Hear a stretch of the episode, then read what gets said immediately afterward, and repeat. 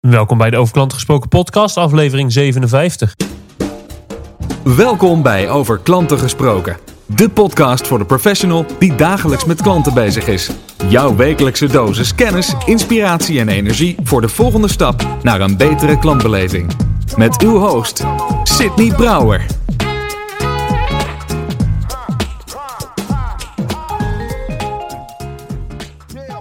Welcome to this all new episode of the Talking About Customers podcast. My name is Sydney Brouwer, and as you can hear, this episode will be completely in English because I have an international guest. My guest this episode is Mr. Ken Hughes, all the way from Ireland. Ken and I met at uh, a retail conference in Belgium where we both keynoted. And um, well, I was talking about the secret to a great customer experience and great customer centricity. Ken was talking about his expertise, which is shoppers and retailers. And his presentation was called The Golden Age of Retail How Retailers Can Win in This Very Technology Heavy Time. Um, it was a great presentation. I invited him to uh, to the podcast, and here we are. In this episode, we'll talk about retailers. We'll talk about a great concept he came up with called the Blue Dot Consumer. And we're talking about Generation Z, the upcoming generation of customers that will turn businesses upside down. And how can we turn those Gen Zers into fans of our organizations? That is what we're going to talk about. Um, if you want to know more about Ken, about me, about the keynotes we do, please check www.sydneybrouwer.nl slash 57. And there you'll find all the information about us. For now, without further ado, let's listen to my conversation with Ken Hughes. And uh, today I'm uh, on Skype talking to Mr. Ken Hughes. Hello, Ken. Hey, how are you, Sydney? I'm very well. We we met in uh, in Belgium. Actually, we shared a stage on uh, one of the big retail conferences there. It was actually quite an uh, it was an amazing conference. It was, and um, you were the closing keynote. I was the one before you, and you were talking about this this very interesting concept you came up with, the blue dot consumer. And uh, I'd like to talk with you uh, about that. But first, who is Ken Hughes? I ask myself that question every morning when I when I wake up. I like to start my day with a bit of philosophy. Who am I? Uh, so yeah, I am a consumer and shopper behavioralist, which is a big long uh, title I gave myself. I'll be honest.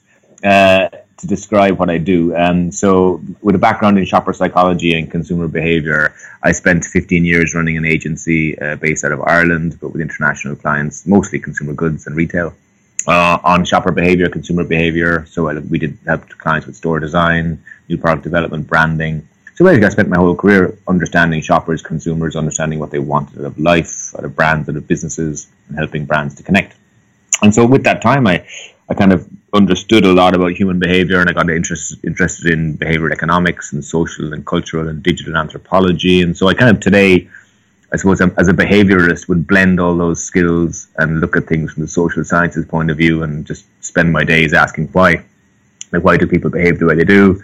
Uh, and what's coming therefore with looking at all the technology that we have today, looking at the change in the retail structures and behaviors, uh, and looking at social trends and cultural trends, and then trying to predict in the next five years for the brands and businesses I work with today what that means for them. So that's kind of what I do. And now the, the, the, the, most part of your work is actually on stage. Is you're, you're a full time yeah. speaker? Yes, I am. So, I mean, the agency I kind of parked for a while. I was taking so much time out speaking. I kind of had to make a decision at some point.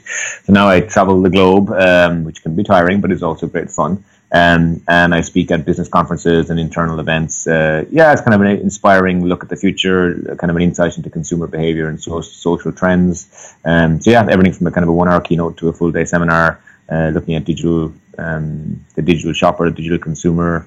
Uh, I'm also a playologist, uh, so I do a lot of work in creativity, innovation with clients, uh, and letting your inner creative spirit out. Um, yeah, so nowadays I guess I'm a motivational speaker, which is a title that we all hate, I think, as speakers. Motivational speaker. It sounds kind of like very glib, but I guess it is what we do. We stand on stage and we motivate audiences to think about um, things that are coming down the line, things that they should otherwise should be thinking of that maybe don't have time to think about, and show them a future that might be their present very quickly. And I think that's that one thing we have in common because when, uh, at least when I, uh, I I stand on stage, all time fades away and it's really play. It, it's not working at all. And when I saw you speak, I saw the the same thing in in the way you speak, the way you present. It, it's yeah. great fun, right? I think we have the same style. Yeah, I mean, when I, when I'm at a dinner party and someone asks me what I do, I'm always kind of swallow hard when I describe it as a job. it's not really a job. we, we, you know, we, we, we tell stories for a living. That's kind of what we do. So I'm a storyteller. And actually, I'm from Ireland, and Ireland has a very strong tradition of storytelling. We have, uh, you know, a very strong tradition of sitting by the fire and telling stories. And in fact, there's a great storytelling festival that happens once a year on a small island off the coast in Ireland. Uh, I should invite you to that sometime. It's real. It's the real. It's the real deal. Bearded men sitting by fires telling all the stories. It's yeah, it's fantastic. And actually, going going to that, you're reminded that's kind of what we do. We're there. We're there to inspire a business community, maybe, or I think talk about business strategy. But in the end, the stories you tell are what people remember, not the facts, the figures, the graphs, the trends. People remember stories. Yeah. All right. So tell us about a story about this blue dot consumer. What what yeah, is it? So it is kind of it's a, it's a it's a metaphor I came up with to help people understand the significant social shift in how people think about themselves and also how people think about businesses and brands. So it comes from the old roadmaps that we used to use. So we all in the 80s and 90s drove around the world and we had a roadmap in our glove compartment or on our door of our car. If you were going on vacation, you would buy a roadmap for where you were going. Uh, and those roadmaps were is kind of let's say if you look at that as the old way. So you open the roadmap, you hopefully turn it up the right way up, um, and you then had to have a variety of information to make that roadmap work. It wasn't a very useful piece of technology. It was big, it was cumbersome, it was large. Um, people fought over them, particularly husbands and wives. Um, and uh, so eventually you had to know where you were going and you had to know where you are. So you can't use a roadmap unless you know exactly where you are on that map. Um, so you open the map and you have to know here I am in uh, in in Antwerp. That's where I am. But you have to know where Antwerp is geographically you have to know the, the, the, shape of the map. And, and then once you know where you are, you of course need to know where you're going. And, and once you know where you are and where you're going, you can then use the piece of technology. You can navigate the world if you have those pieces of pieces of data. If you want to call um, it technology, yeah. yeah, it is. It's, it was paper technology. um, so, and I came in, I became interested in that because I thought, well, hang on, we all grew up in a world then where we realized we were a very small part of that world. If you open a map, other than the fact that you know maybe there's a little icon that says you are here, other than that, you can see it's a big, big, big world, and you're only a small part of it. That's what you get when you look at a map. I am a small part of this. I am a small part of this big world. Um, and I thought that's interesting because today the consumer takes their phone out of their pocket and there's a little blue dot pulsing in the middle of their map, and that's the difference. They're not part of a big, big world. They are the world. They are placed at the center of that map, and the world is shown to them in perspective as to where they are. So basically, instead of being a big part of something, they are the something. They are the center. They are the blue dot. And if they take a step left, they expect the map to move left with them. And the similarly, if you if you kind of project that onto a brand or business, if the consumer moves, what they're saying is they expect your brand and business to move with them. So the blue dot idea, then, if you apply it to business, if you look at some of the really obvious examples, I think Uber is probably the most obvious example of a blue dot product. So historically, you would be in a restaurant or a bar, you would decide that you wanted to go somewhere else or go home, and you would leave that bar, you would wave your hands like a madman on the street, and maybe 10 minutes later you'd catch the eye of a taxi, it would pull up and bring you home. You had to active, you had to be an active participant in acquiring the product that you wanted. Yeah. And Uber came along and made it a blue dot product, i.e., you, you sit at the table, you press the button, and the product comes to you. And that's the difference. You're not getting, you're not acquiring the product, the product is coming to you. And if you look at what's happening in, in delivery all over the world, so we've gone from two day delivery when Amazon launched to next day delivery, which is amazing. And then Prime came along and offered you same day delivery and really same day delivery. And now we're up to, you know, three hour delivery and the latest Amazon Instant, which is three three minute delivery. Three minute um, delivery. It's yeah, crazy. It's crazy, isn't it? One of our big uh, big supermarket chains just uh, launched in in uh, in Rotterdam. They launched a service that's called Rappie because they're called Appie, and now they just uh, put an R in front of it because they're fast. Okay. Um, and it's it's a two hour delivery. So you order from an app, and they deliver it on bikes within two hours at your home or work. It's it's crazy. And what's really interesting about that, from a sociological perspective, is that once the person, let's say you and I do that tomorrow, and we kind of think that's kind of cool, that in two hours you have your groceries.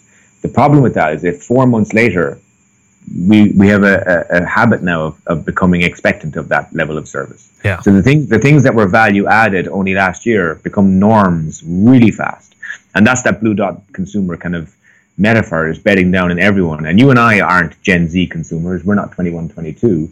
You know, and I'm I'm watching these patterns play out across the millennial generation, across Gen Xers, even up to baby boomers.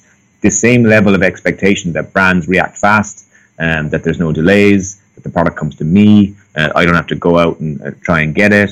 Um, there's, I mean, there's hundreds of examples of brands that are looking, and, and basically, as a business, what you do today is you open up your customer journey, you look at the product or service you're bringing to market, and you have to ask yourself, is this Blue Dot? Because usually, what we did with a customer journey is we made all the customer journey, and the consumer was the person at the end. It was like a straight line, and you did various things. And at the end, there was kind of like a an inconvenient truth. there was a consumer that you had to satisfy. Yeah. But they were the la- they were the last thought. They weren't the the first thought. And the blue dot metaphor builds a customer journey around the blue dot, like a circle. So the customer journey isn't a straight line; it's a circle, and in the middle is the pulsing consumer. And I like the fact that the blue dot pulses on the screen because it brings that consumer to life. Because I mean, the consumer wants to. I mean, and people always ask me, okay, what are the the main things then that a business needs to do to satisfy this new blue dot consumer? And one of the main ones is customization and personalization. Because when you think about it, if you opened a, a, Google map, you wouldn't want to follow someone else's blue dot, would you? I mean, you don't open the map and, and, and the whole thing, the whole map isn't full of like 20, 30 blue dots around you and you have to pick which one you are. What would be Imagine follow- convenient to see if there's a red dot where my girlfriend is, but uh, that's the only thing. Yeah. yeah, she's coming, quick move. um, so yeah, that would be pulsing faster. Um, so I think yeah, we follow our own blue dot, we follow our own journey, and that again psychologically is very interesting because a lot, a lot of brands and businesses are still bringing mass-produced product and service to the market, and we're so used to now as digital consumers logging on let's say to Amazon and says, "Hey Ken, welcome back. Here's what you bought last time. Here's what you might need next time." It remembers who you are. Every time you log on to TripAdvisor, it says, "Hey, I see where you are. Here's a hotel near you." Uh, so at the moment, you have Airbnb telling you where to holiday. You have LinkedIn telling you who to work with.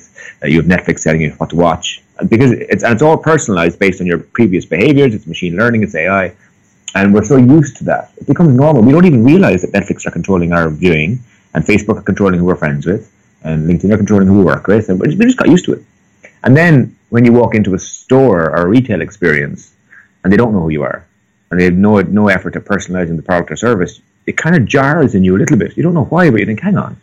Um, and what's really interesting with some of my retail clients is this omni-channel problem that everyone has.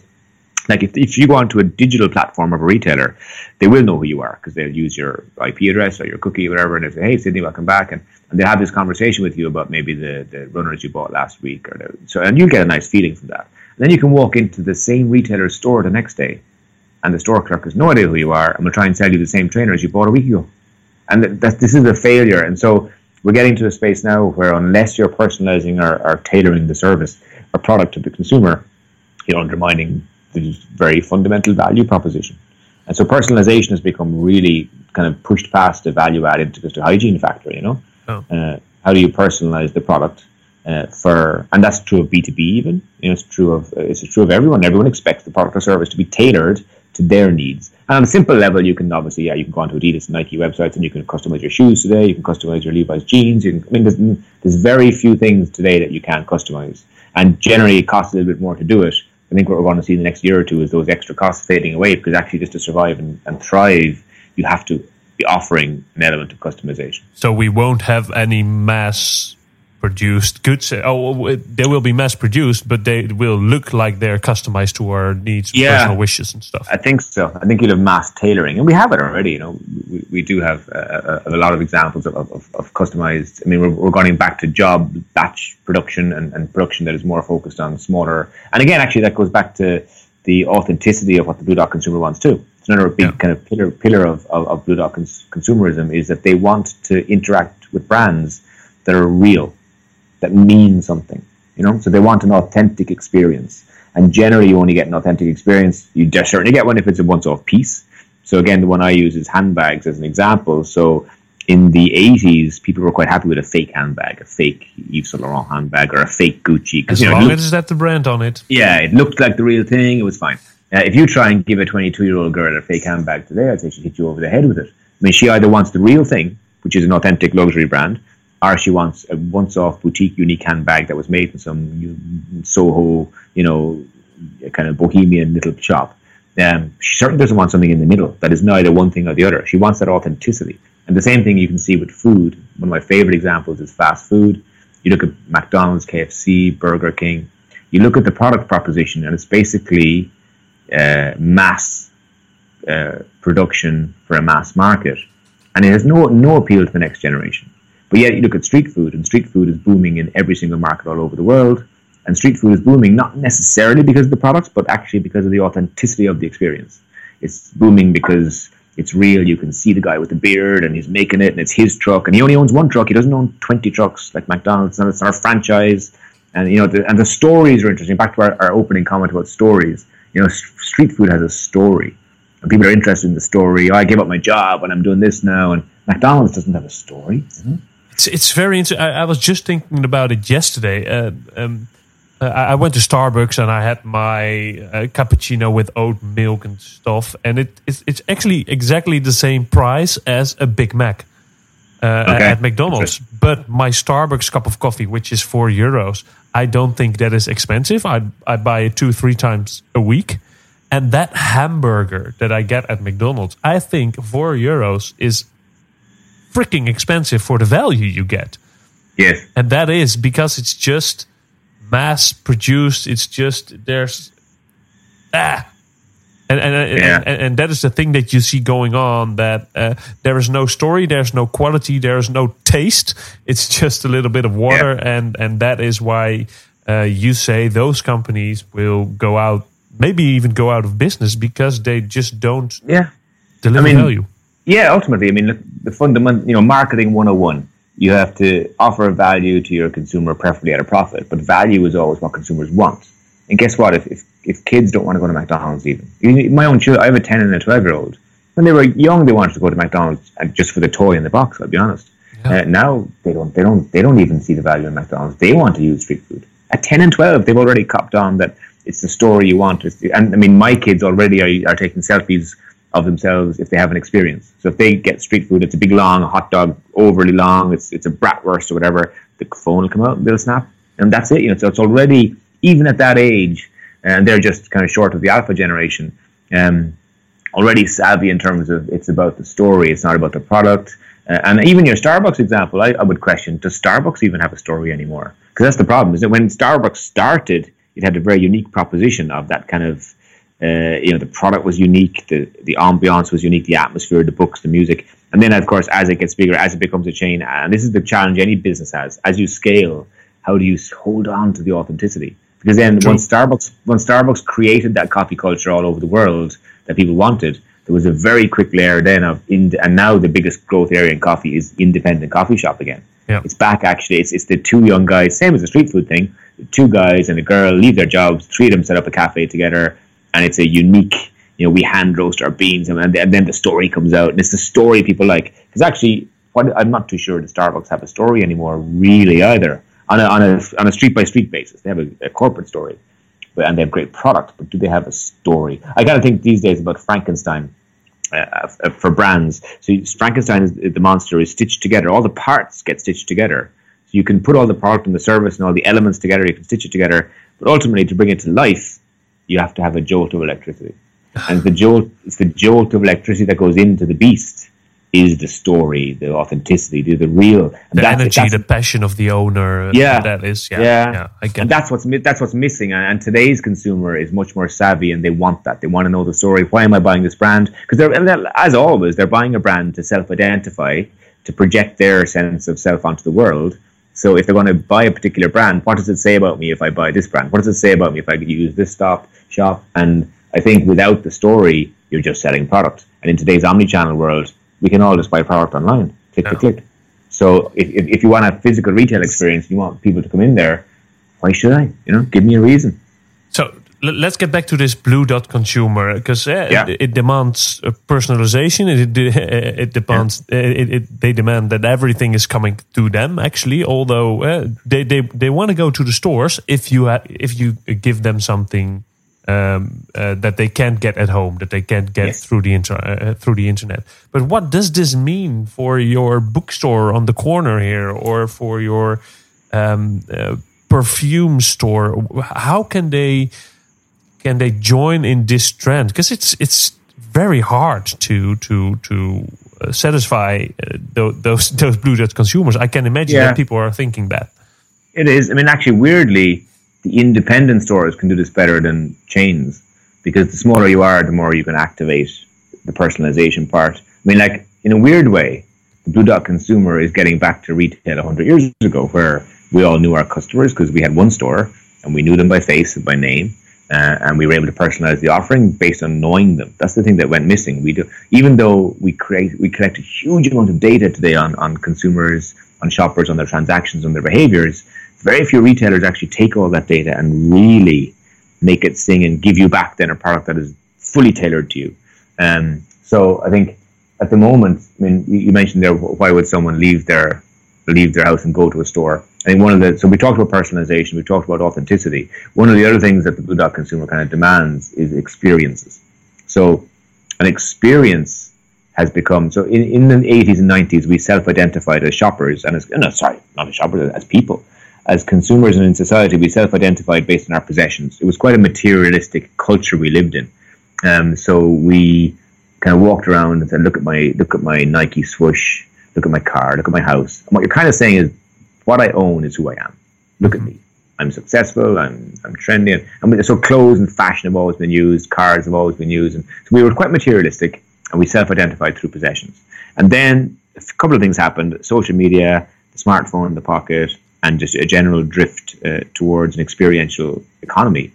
So today, you are what you experience. You aren't necessarily you are. What you, if you look if you look at Instagram and Facebook, and do it after this this podcast, even have have have anyone listening to it, even open your own phone and swipe down through your Instagram and your and your Facebook feeds. And what you'll see is friends and colleagues and family sharing mostly photographs and videos of experiences. It won't be a whole sea of photographs of I bought this, I bought this, I bought this, I bought this. This is who I am.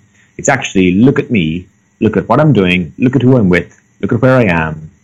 They're all experiential based. It's what we now value. We value and we self-identify based on our experiences. And if that is true, and it is anthropologically, then any brand or business that gives us an experience that is kind of allows us to share something on our peer-to-peer social network and, and self-identify through it, then that's value.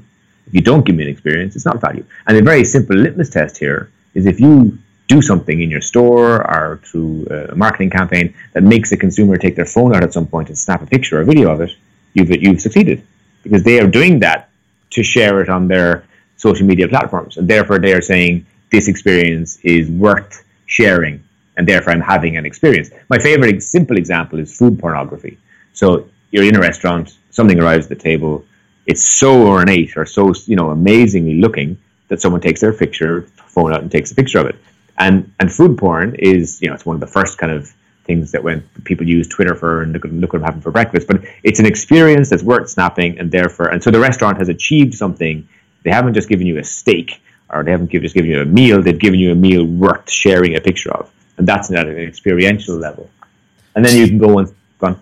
So, so w- would you would you say that that is your rule of thumb that retailers should should uh, act on? Um, Yeah, is is is what you're doing worth taking a picture of? Yeah, yeah. I mean, if you if I walk into your store, and as an average consumer, and there's nothing that makes me go, "Ooh, wow, that's nice," or "Ooh, wow, that's exciting," I want I want to learn more about that. If it's just products on shelves displayed nicely, yeah, that was kind of nineteen. That was early 1990s retailing. you know? So I'm, I think I'm it- thinking back of, of a few retail visits I had in, in the last few weeks, and one of them was to, of course, Lush, uh, or not, of course, but Yeah. Lush. It's it's colorful. It's it's without plastic. It look the the the, the, shops look great. So I I, I did to uh, take pictures there, and one Yeah. was to a peanut butter shop. The only thing they sold was peanut butter. Ten Okay. kind of different. It's actually on on Schiphol Airport here in Amsterdam. Uh, Okay. 10, 10 different kinds of, of peanut butter. You can taste them. You can see how how they how, they make it in the store. That was an experience, and I shared it and I took pictures. So I, I think you are onto something with your your with I your think rule so. of thumb. It is. It is a good experience. And then uh, I think as a retailer, you don't necessarily, of course, need to have experiential. And so I'm trying to teach retailers to stop measuring brand equity, and even teach not only retailers but brands. Don't measure brand equity, but measure experiential equity. So, what experiences are you, are you creating every day, every week, every month that will make your consumer take those pictures, but more importantly, tell your story. Back to stories again. The reason we want the litmus test of the picture is because we know the picture gets uploaded, and with the picture is a story. I'm in Schiphol Airport. I found this peanut butter shop. You can taste it. The story goes, and the story is what people. It's the electricity into the monster.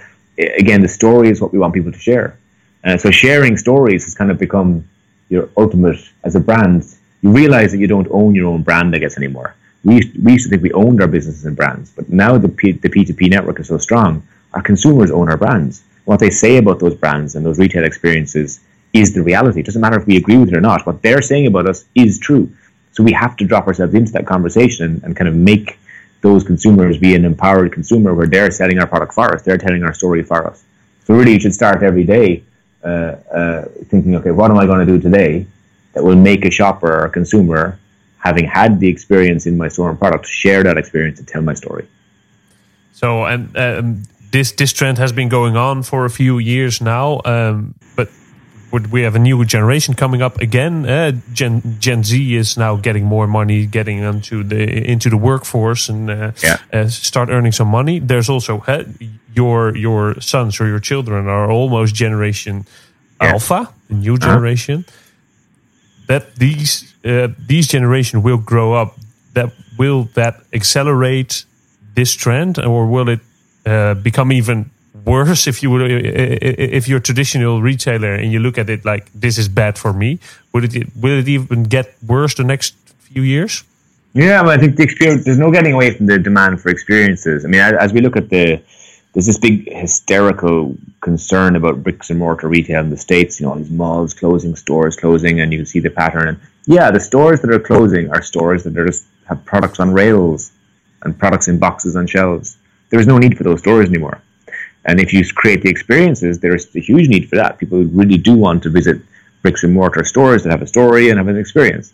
So is that going to get more? I think yes, we're going to see much more of that because there's going to be more store closures unless retailers get it, uh, and the next generation will buy everything online. You know, I mean, again, I know they're in my house, so it's easy to, for me to quote these examples because I see them every day. But my my kids don't use cash, for instance they have no value in cash. You know, every time they get cash, they just give it to me immediately and ask ask for me to put it into their account so they can use their card. They only buy they only buy online. You know, they only use they don't they everything anything they want they turn to the net the the, the, the PC or their phone first to to get it. They don't even think about stores. It's amazing. They don't even and, and often I would say to them, look, if we just drive down the road for five minutes to the mall, I can get that for you like in an hour my son oh, no, I'll on Amazon, eBay, boom. And he's only 12. Like, so if you wonder, you wonder about the next generation, like how they're growing up, they're growing up inside this world. Again, it's just, the blue dot thing is this one click world too. We're kind of used to everything in one click. You can get a taxi in one click. You can get a lover with one swipe. You can get, you know, everything is just click, click, click. And we're very used to that. And we're getting, we don't do the buffering. We don't do the waiting thing anymore. I was doing research with them, with some alpha generation kids for Disney. Uh, they're about seven, eight. And we were talking about their media consumption habits, uh, and I was I was talking to them about the TV guide. And I said, you know, I mentioned something about the TV guide, and they said, "What?" I said, "You know, the, the TV guide, what?" And I had to explain the concept of a TV guide to these children. They had never seen or used a TV guide. So I said, well, you know, you know, the, the programs are listed and the times are there and the days. And then one of the kids says, well, what happens if you want to watch it now? I said, well, you have to wait till Wednesday.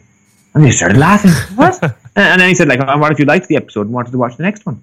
I said, well, you'd have to wait till the next Wednesday. like, ridiculous because they get everything now Netflix, on demand, Prime, you know, they're used. So then we have a whole generation, including ourselves.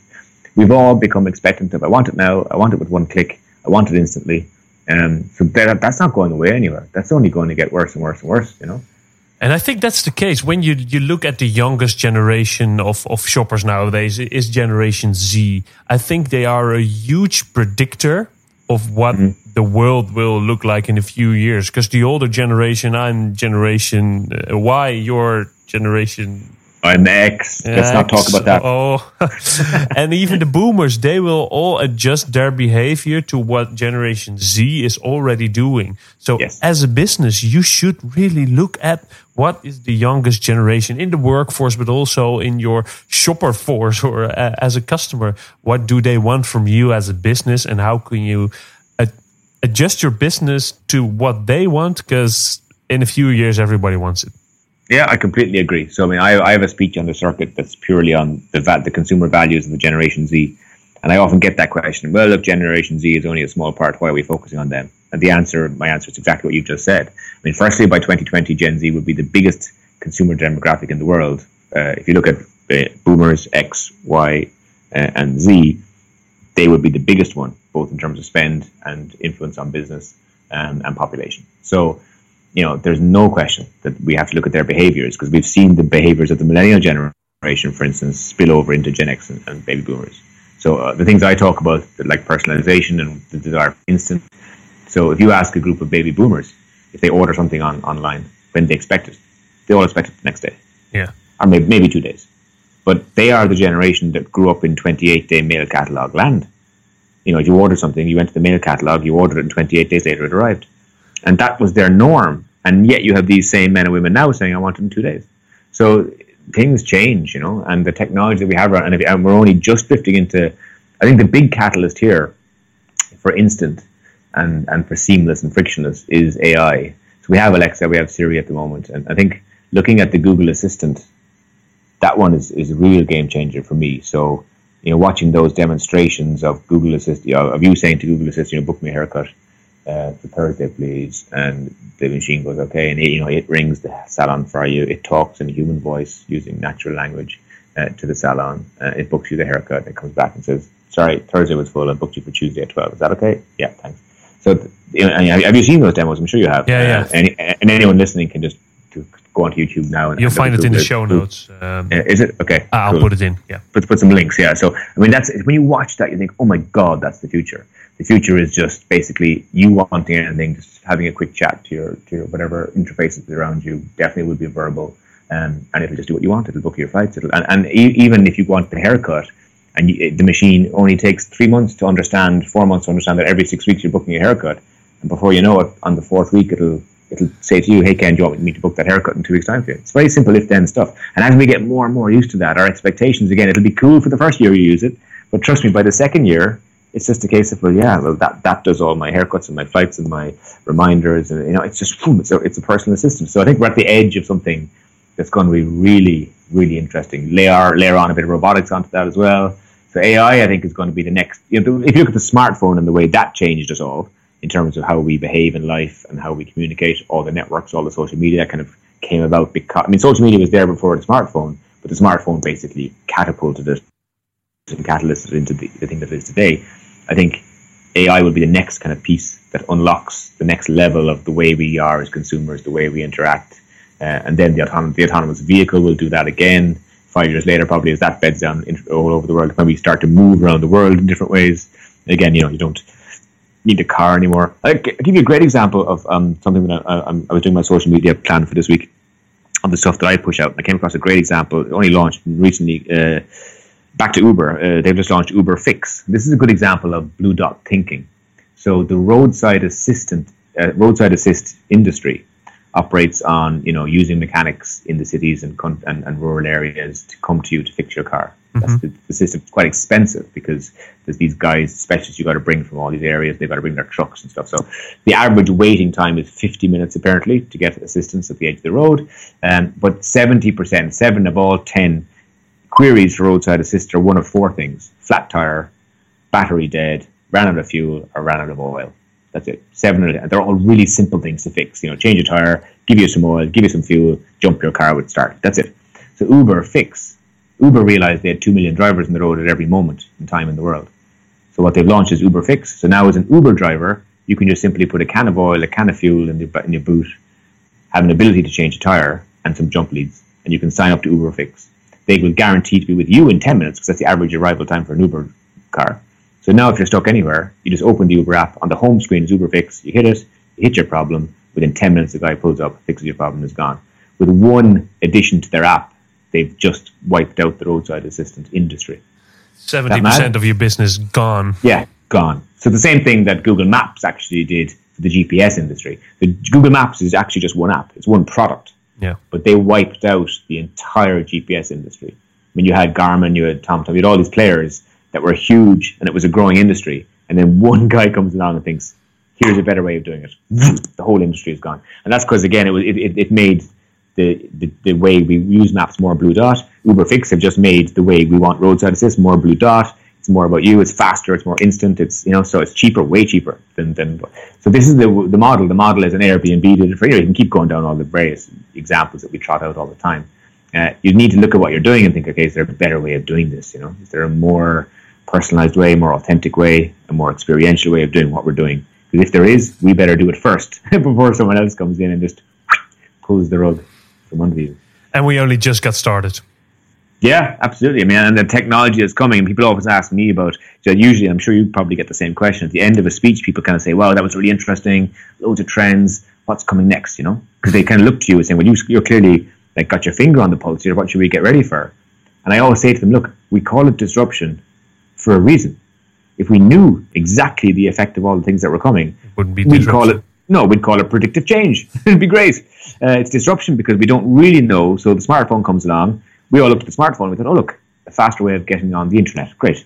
But you know, we had no idea with the location chip inside that how everything would come about. And Google Maps would be launched, and Tinder, and uh, you know, Airbnb, Airbnb, and Uber, and all these things. So I think again, AI will do the same. Autonomous vehicles will do the same. The technology comes along, but actually the social and cultural change it causes, and the businesses and the enterprises that grow from the tech that arrives, it takes a human to step in and say, "Well, I like that piece of tech," and now with that, we can now do this, and then suddenly everything changes.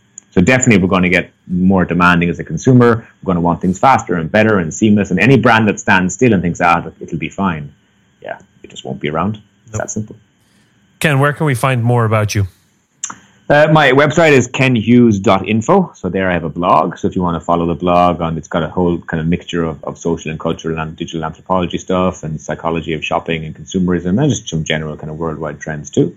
My Blue Dot Consumer book is coming out later on this year. Uh, if my uh, uh, my lazy self ever gets a chance to actually finish the editing, which is torture, but that's going to at the end of this year. Um, so yeah, and on social media, you'll find me if you just type in Ken Hughes. You, you'll find all my Twitter, Facebook, LinkedIn, and, and Instagram stuff. And you'll find all the links to uh, to his website, to uh, to uh, your your social media in the show notes on this uh, on this episode. It's sydneybrouwer.nl slash fifty seven. That's fifty seven. And you'll find all, uh, all links you need, and you uh, and also the video from Google Duplex you were just tell- telling about how Google will book your uh, appointments at your uh, hairdresser. Um, Is there a question I should have asked but I've forgotten? Oh, there's many questions you should have asked. But we're That would be a already much- at the at It'll be a much much longer podcast. Do you know what I'll do? Sometime I'll come back on the podcast with you and I'll talk about the TED talk I did, uh, which is a TED talk on playing creativity uh, and on how to live your life in a in a more innovative, creative way. Uh, it applies to the business community as much as it does to personal development. So let's do that someday. ah. I'll- I'll post that. It's online, I guess. The TED Talk. Yes, it is. I'll post that in the show note as well. Cool. Um, Ken, thank you very much. Hope to see you uh, uh, somewhere the coming year on a big stage on a great conference. I'm sure our paths will cross very soon, Sydney. Absolutely. Thank you. Great talking to you, pal. And that was my conversation with Ken Hughes. I hope you enjoyed it. I hope you get some inspiration out of it. If you want to know more about me or about Ken, please visit www.sydneybrouwer.nl slash 57 and there you'll find all the links and information you need. If you're organizing an event soon for your employees or maybe for your customers or for another group of people, um, and you're looking for a great speaker on customer centricity or customer experience, check out my website www.sydneybrouwer.nl um, and there you'll find all the information you need about the presentations that I give. And I can promise you two things. The presentations are highly energetic and we'll be having a lot of laughs together. If you want to know more about the presentations or the topics like customer centric leadership or the secret to a great customer experience, check out sydneybrouwer.nl. And um, I'm looking forward to working with you at one of your events soon. For now, thank you for listening again. And in October, there will be an all new episode of the Talking About Customers podcast. Bedankt voor het luisteren naar deze aflevering van Over Klanten gesproken. Voor meer afleveringen en de show notes, kijk je op sydneybrouwer.nl/slash podcast. Graag tot de volgende keer.